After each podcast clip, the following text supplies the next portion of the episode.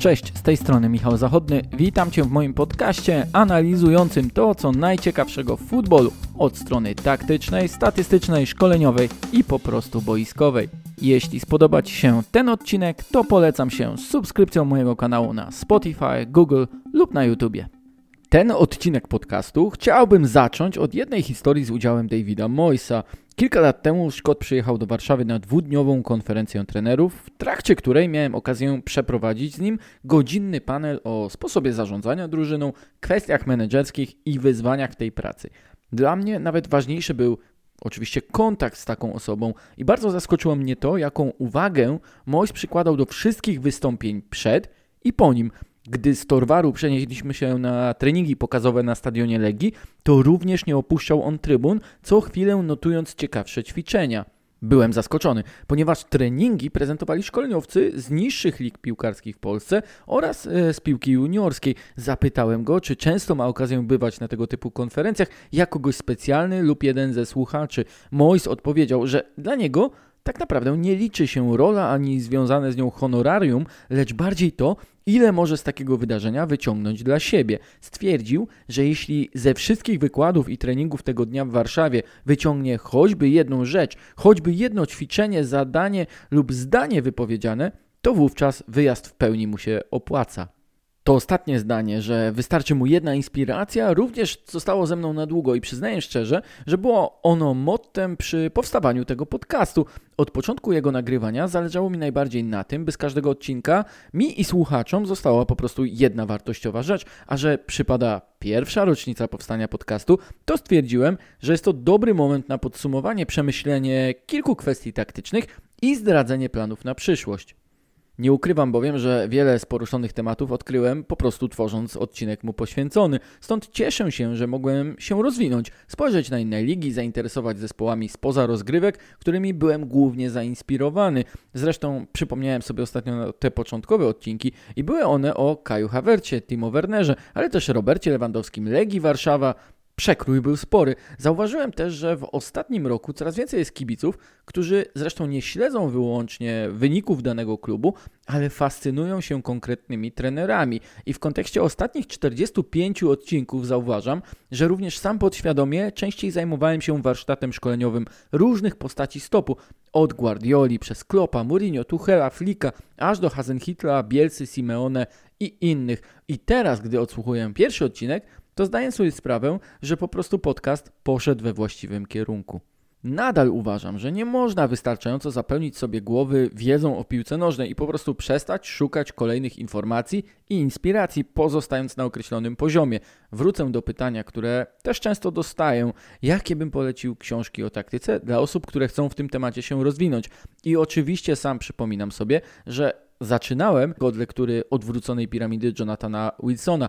Nawiasem mówiąc, w ostatnim roku ponownie została wydana na rynku polskim. Do tego fragment wstępu cytowałem w pierwszym odcinku podcastu, ale ta lektura była dla mnie bardziej uporządkowaniem wiedzy i inspiracją do tego, by szukać dalszych niuansów z historii czy współczesnego futbolu. Uważam, że do zrozumienia kontekstu zmian w obecnym futbolu, dynamiki zdarzeń, rozwiązań szukanych przez trenerów, potrzebna jest lektura tej książki. Dzięki niej dowiecie się o tym, jak między innymi rozkwitał pressing, ale też z czego wzięła się gra kombinacyjna, dlaczego wiele z pomysłów, które mają trenerzy, teraz wynika pośrednio z tego, jak działali ich poprzednicy kilkadziesiąt lat wcześniej. Taktyka to dla mnie sposób myślenia, nie ustawienie, ale to, co stoi za tym wszystkim. Jak chcesz się zachowywać, jak postrzegasz różne sytuacje na boisku, jak reagujesz na nie jako zespół i jako jednostka. A wydaje mi się, że osoba oglądająca różne mecze piłki nożnej, różnych lig i drużyn na różnym poziomie, tworzy latami swoje pojęcie o tym, jak w jej mniemaniu powinien grać zespół. Nie mówiąc, że tylko lepiej, skuteczniej i bardziej ofensywnie, ale myśląc o możliwościach danych piłkarzy i układając ich na boisku. W ostatnim roku sam zostałem trenerem, pracuję na najniższym seniorskim poziomie i uważam, że to kapitalna lekcja rozumienia tego, co i na co wpływa w kwestii taktyki. Wcześniej miałem okazję rozmawiać z mniej lub bardziej uznanymi szkoleniowcami, obserwować bardziej z boku i w całości od środka funkcjonowania reprezentacji seniorskich i młodzieżowych, ale dopiero wzięcie odpowiedzialności za to, jaki jest mój pomysł i jak go przedstawić innym, otworzyła mi oczy na kompleksowość zadań ludzi, o których zwykle opowiadam w podcaście. Ale tu mam też bardziej ogólną obserwację. W ostatnich latach naprawdę sporo się pod tym względem taktyki zmieniło. Pamiętam, że gdy sam jeszcze grałem w piłkę w niższych ligach, to pojmowanie ogółu zadań taktyki zespołowej e, było na po prostu bardzo niskim poziomie. Teraz, gdy ten poziom wzrósł, ludzie chcą o tym słuchać, chcą wiedzieć więcej, zadają pytania, dyskutują, mają swoje zdanie. Z innymi trenerami po meczach dyskutujemy o organizacji gry, małych problemach taktycznych, a już nie o tym, że najważniejszy zawodnik nie dojechał, bo wypił o kilka piw za dużo. Nie jest to wyłącznie moja opinia na podstawie tego, że autor niszowego podcastu o taktyce czy analityce chce promować swoje materiały. To bardziej obserwacja zjawiska na przestrzeni roku. Może to również kwestia tego, że staliśmy się obserwatorami obrazu, że nie chodziliśmy tak często na trybuny, że oglądając mecze w telewizji, siłą rzeczy szukamy rozmowy, opinii, które są w internecie i których nie słyszymy od siedzących obok osób. I tu kluczowa sprawa. To musi być rozmowa. W pierwszym odcinku mówiłem o tym, że każdy mógłby stworzyć swoje wyobrażenie o futbolu na bazie jednego wówczas tytułowego pytania: jak czytać grę. Nadal się tego trzymam, ale uważam, że ważną cechą jest słuchanie i rozumienie tego, co o piłce mówi druga osoba. Nie jest oczywiście jeszcze idealnie, nasze postrzeganie futbolu wciąż się zmienia, ale możliwości zwiększenia wiedzy jest naprawdę sporo. Tak jak wspomniałem, wybrane lektury to dopiero początek. Potem taktyki uczymy się w praktyce, oglądając mecze, czytając po nich analizy, samemu starając się analizować, odpowiadając sobie na proste pytania o zasadność decyzji trenera, zawodników przez szukanie własnych rozwiązań. I faktycznie tej taktyki w codziennym odbiorze futbolu jest coraz więcej. Widziałem to zwłaszcza po tym, jakie było zaciekawienie pierwszymi meczami reprezentacji pod wodzą Paulo Sousy, jakie zadawano mu pytania, jak on sam mówił o piłce. Postaram się udowodnić to w szerszym kontekście. Uważałem, że kompletnie nie fair były pytania w listopadzie do Jerzego Brzęczka o, uwaga, uwaga, opinie z Twittera, sądy w mediach społecznościowych. Właśnie przegraliśmy z Holandią i ani razu nie poruszono kwestii taktycznych. Tymczasem już w przypadku Paulo Sousy od pierwszych dni głównym tematem był styl gry drużyny, nawet po remisie na Węgrzech czy po porażce z Anglią. Nawet nie chcę wskazywać, czyja to wina, ale uważam, że każdy swoimi pytaniami, opiniami odpowiada za poziom i kierunek dyskusji o piłce. Fajnie też, że powstaje coraz więcej materiałów dotyczących taktyki, analiz meczów z różnego poziomu i w różnej formie, ale też coraz częściej pytania w tej kwestii są zadawane piłkarzom oraz trenerom. Od nich też bardzo dużo zależy, zwłaszcza jeśli będą chcieli odpowiadać otwarcie o swoich zadaniach, pomysłach na podstawie jakichś przykładów. Nie ma lepszych osób do tłumaczenia tych niuansów niż właśnie oni, będący w samym sercu akcji, decydujący o tym, co dzieje się na boisku.